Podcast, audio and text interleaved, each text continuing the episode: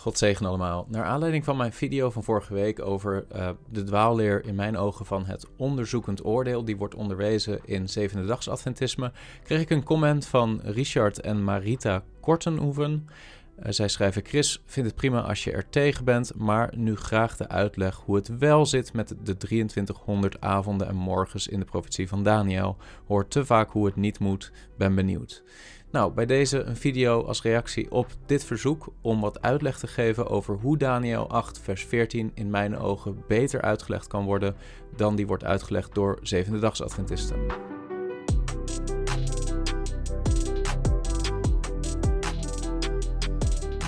Voordat ik begin jullie daar wat over te vertellen, hoe mijns inziens je dit vers beter kunt interpreteren, um, wil ik eerst stilstaan bij een algemeen principe. En dat is dat je ziet dat veel secten en veel dwaalleraren en veel mensen die misschien met goede bedoelingen toch uh, verkeerde leer uitdragen, uh, veel van dit soort groeperingen maken de fout om een bepaald voor veel christenen niet zo heel bekend vers of schriftgedeelte groot en belangrijk te maken. En daar een hele leer op te baseren en zich daarmee af te zetten van algemene leer in het algemeen christendom.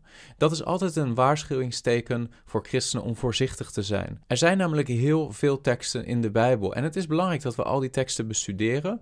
Maar wat je vaak ziet gebeuren is dat een secte een bepaald wat onbekender schriftgedeelte uh, gebruikt om een christen die niet op zijn hoede is uh, te overtuigen dat hij een heel belangrijk onderdeel van Gods onderwijs mist doordat hij dat gedeelte niet goed begrijpt.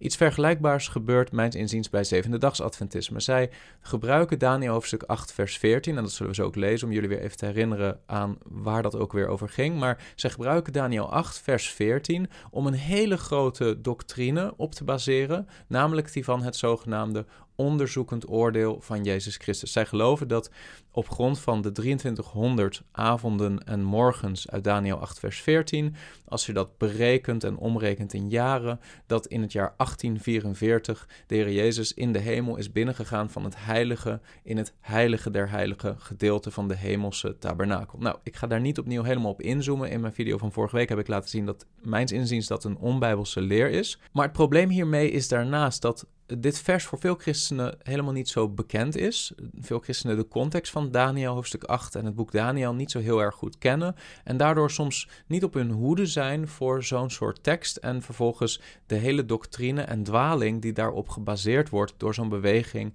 als het zevende dags Adventisme. Wat je vaak het best kunt doen als iemand op straat of iemand uit een beweging die niet orthodox christelijk is, je confronteert met een schriftgedeelte wat je eigenlijk niet zo heel erg goed kent, is gewoon je tijd nemen om dat schriftgedeelte in de context van dat boek te bestuderen. En dat gaan we nu ook doen met Daniel hoofdstuk 8, vers 14. Wat staat er in Daniel 8, vers 14? Daar lezen we: Hij zei tegen mij tot 2300 avonden en morgens, dan zal het heiligdom in rechten hersteld worden.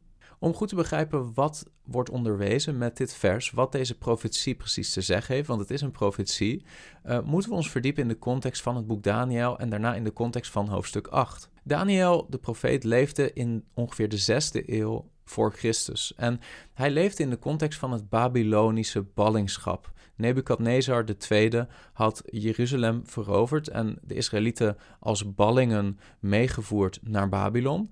En Daniel leefde daar met zijn vrienden in Babylon, wilde de Heer trouw blijven, wilde de dienst van de ware God trouw blijven in een context van heidenaanbidding. We weten vanuit de geschiedschrijving ook dat in het jaar 586, 587 voor Christus de tempel in Jeruzalem vernietigd is geworden door Babylon. Later in de geschiedenis van Israël, onder het edict van Cyrus de Grote, wordt de tweede tempel gebouwd, wordt de tempel herbouwd. En je kan daar ook over lezen in de boeken Esra en Nehemia. Dat gebeurt omstreeks het jaar 516 voor Christus. Het doel van het boek Daniel is eigenlijk om te laten zien dat God alle dingen onder controle heeft. Dat ook in tijden van, van oordeel en in tijden van beproeving, dat wij opgeroepen worden om trouw te blijven. En dat lezen we ook in de verhalen van Daniel en zijn vrienden in Babylon en later in Medo-Perzië. Maar we lezen ook in de profetieën die Daniel te zien krijgt, de visioenen, dat God soeverein is over het beloop van de geschiedenis van Israël, van het volk van Daniel. En dat God daarmee tot Daniel eigenlijk laat zien ik heb het einde vanaf het begin onder controle en ik heb een plan met Israël. Je hoeft niet bang te zijn dat wat er gebeurt met jullie op dit moment buiten het zicht is, buiten het bereik is van mijn soeverein plan met het volk Israël. Het boek Daniel is vervolgens opgedeeld in ehm, een aantal hoofdstukken, hoofdstukken 1 tot en met 12. En dat bestaat eigenlijk uit twee delen. Hoofdstuk 1 tot 6 laat de gebeurtenissen zien van Daniel en zijn vrienden in ballingschap. En dat gaat met name over het trouw blijven in tijden van verzoeking. Daar kunnen we ook heel veel van leren als christenen vandaag de dag. Uh, maar vervolgens hoofdstuk 7 tot 12 beschrijft visioenen die Daniel krijgt over dingen die nog gaan gebeuren met het volk Israël. En komen we dan aan in hoofdstuk 8, dan lezen we een visioen wat Daniel krijgt over een ram en een geit. En het mooie van dit hoofdstuk is dat een groot deel van dat visioen wordt ook uitgelegd door de engel die Daniel dit visioen geeft. We lezen in het hoofdstuk, en we gaan niet al die versen doornemen, maar we lezen in het hoofdstuk dat die ram met twee hoorns, dat dat staat voor het Medo-Persische Rijk. Dat lees je in vers 20 van Daniel hoofdstuk 8, dat dat wordt uitgelegd. En de geit, die vervolgens als een een nieuwe machthebber als het ware de ram verslaat en zijn macht overneemt, de geit, is het Macedonisch Rijk, het, het, Griekse Rijk onder leiding van Alexander de Grote. Alexander de Grote leefde ongeveer van 356 voor Christus tot 323 voor Christus. Die is helaas voor hem niet zo oud geworden, maar 33 jaar. Maar we lezen en we weten uit de geschiedschrijving, maar dat lezen we ook in het boek Daniel hoofdstuk 8, dat het Griekse Rijk heel snel groeit en uiteindelijk ook groter wordt dan het Medo-Persische Rijk. Dus die geit, die wordt uiteindelijk groter dan die ram was geweest. Vervolgens sterft en dat lezen we ook in de geschiedschrijving, Alexander de Grote. En nadat hij sterft, ontstaat er een machtsstrijd tussen zijn vier generaals. Daniel beschrijft dit in zijn visioen als vier hoorns die ontstaan in plaats van Alexander de Grote. Dat zijn die vier generaals, waar we ook van weten uit de geschiedschrijving. Vervolgens lezen we dat uit een van die vier generaals, waar ook vier afgesplitste koninkrijken ontstaan vanuit dat grotere Macedonische Rijk. Eén daarvan een kleine hoorn, die wordt beschreven in Daniel hoofdstuk 8, is het best uit te leggen als een man genaamd Antiochus IV, Epiphanes. Ik zal naar hem verwijzen als Antiochus IV. Dit is de man die het Seleucidische Rijk bestuurt van het jaar 175 voor Christus tot zijn dood in het jaar 164 voor Christus. En dit is een vreselijke man die ook enorm beroemd en berucht is geworden in de geschiedenis van Israël. Want deze man veroverde met dat Seleucidische Rijk Jeruzalem en heeft het volk Israël onderworpen aan het Hellenisme. En deze man was niet tolerant ten opzichte van de aanbiddingsdienst van het volk Israël aan hun God. Hij verwijderde en verbande alle traditionele aanbidding en de, de levensweg van de Joden. En hij dwong hun eigenlijk om hun religie, de religie van Antiochus IV, over te nemen. Antiochus IV had als bijnaam Epiphanes en dat betekent God die zich manifesteert. Hij zag zichzelf als God, hij zag zichzelf als een manifestatie van Zeus. Antiochus IV verbande dan ook alle ceremonieën van het volk Israël, uh, verbande de aanbidding van de God van Israël in Jeruzalem. Hij plunderde de tempel, heeft al het goud, het altaar en alle uh, kostbare voorwerpen uit de tempel verwijderd en ook uit alle steden van Juda. En hij is vervolgens, lezen we ook bijvoorbeeld in het boek 1 Maccabeeën, uh, we lezen dat Antiochus IV binnen is gegaan in de meest heilige plaats in de tempel. En vervolgens ook daar nog een altaar heeft opgeheven, opgericht voor Zeus. En daar zijn vervolgens ook varkens, hè, voor joden onreine dieren, varkens en zwijnen geofferd ter ere van Zeus. Kun je je voorstellen wat een vreselijke bezoedeling dit is van de tempel van God en voor Israël uh, voor de ware aanbidding. En dan lezen we een stuk uit Daniel hoofdstuk 8 vers 9 tot 14 en dan zie je hoe goed eigenlijk deze geschiedenis past bij de profetie van Daniel. Want dan lezen we vanaf vers 9 uit één ervan, dus dat is een van die vier hoorns, hè, een van die vier generaals die in een machtsstrijd verwikkeld raakten uh, na de dood van Alexander de Grote. Uit een ervan kwam een kleine hoorn tevoorschijn, die uitzonderlijk groot werd, naar het zuiden toe, naar het oosten toe en naar het Sieraadland toe. Dat is Israël. Hij werd groot tot aan het leger van de hemel. Van dat leger, namelijk van de sterren, liet hij er sommige ter aarde vallen en vertrapte ze. Nou, dat leger van de hemel lijkt een verwijzing te zijn naar het leger van Israël, hè, als, als het volk van God. Kan ook een geestelijke verwijzing hebben naar eh, het engelenleger of uh, Michael als engel die verbonden is aan het volk Israël. dan lezen we vers 11, hij maakte zich groot tot aan de vorst van dat leger. Nou, dat gaat over God en dat deed inderdaad Antiochus IV door bijvoorbeeld die titel van Epiphanes te dragen. Hè? God die zich manifesteert. Hij noemde zichzelf God tegenover de ware God van Israël. Het steeds terugkerend offer werd aan deze ontnomen en zijn heilige woning neergeworpen. Nou, dit wordt vervuld doordat de tempel wordt ontheiligd en het dagelijks offer, wat in de ochtenden en in de avonden gebracht moest worden, lees dat ook in Exodus hoofdstuk 29, wordt stopgezet door Antiochus IV. Vers 12. En het leger werd overgegeven vanwege de afvalligheid tegen het steeds terugkerende offer. En hij wierp de waarheid ter aarde. Dit kun je ook vervuld zien worden in die periode van Antiochus IV, doordat hij alle Torah's verzamelde en liet vernietigen en niet toeliet dat de Joden hun eigen schriften in bezit hadden. Dus de waarheid wordt door hem ter aarde geworpen. Hij deed het en het gelukte. Toen hoorde ik een heilige spreken en een heilige zei tegen de ongenoemde die sprak: Hoe lang zal het visioen van het steeds terugkerende offer en de verwoestende afvalligheid gelden? En hoe lang zal zowel het heiligdom als het leger overgegeven worden om vertrapt te worden? En dan komen we bij vers 14. Hij zei tegen mij: Tot 2300 avonden en morgens, dan zal het heiligdom in rechten hersteld worden. Nou, die 2300 avonden en morgens, die kan je dus eigenlijk zien als de ochtend- en avondoffers die gebracht moesten worden aan de Heer. Lees Exodus hoofdstuk 29 daarop na. Dan zie je dat dat onderdeel was van de dagelijkse tempeldienst. Er moesten tweemaal daags offers gebracht worden, één in de ochtend, één in de avond. Als je het zo leest, dan moet je eigenlijk dat getal 2300 delen door 2.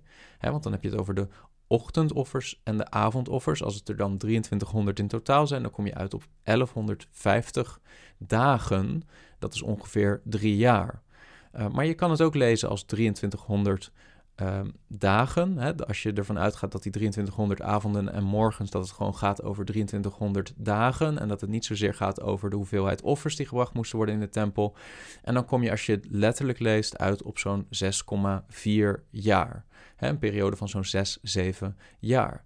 En nu wordt het interessant, want als je bestudeert hoe lang Jeruzalem bezet is geweest door Antiochus IV, die vreselijke tiran uh, die het volk Israël enorm verdrukt heeft, dan vind je dat dat dus was ergens tussen het jaar 171 voor Christus, hè, het moment dat hij uh, daar uh, Jeruzalem onderwierp aan zijn gezag, tot de herwijding van de tempel in het jaar 164 voor Christus. Dat is een periode van ongeveer zeven jaar. En in het jaar 164 voor Christus, en dat lees je ook in het boek van de Maccabeën, dan is Judas Maccabeus degene die het heiligdom weer herstelt. Die periode van 171 voor Christus tot 164 voor Christus, ook overigens het jaar 164 voor Christus, het jaar waarin Epiphanes, eh, Antiochus IV, sterft. Die periode duurt dus zo'n zeven jaar en dat komt heel erg dicht in de buurt bij die 2300 avonden en morgens, als je het gewoon letterlijk leest als een letterlijke periode. Deze verklaring is veel relevanter voor Daniel, hè? ook al spreekt hij en schrijft hij daar over gebeurtenissen die pas eeuwen na zijn leven zullen plaatsvinden,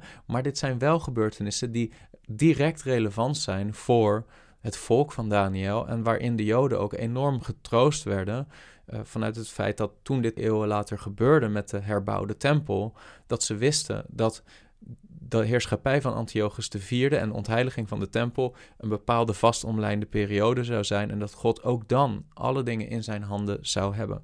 Dit is mijns inziens de beste verklaring en de meest contextueel juiste verklaring voor Daniel hoofdstuk 8 vers 14.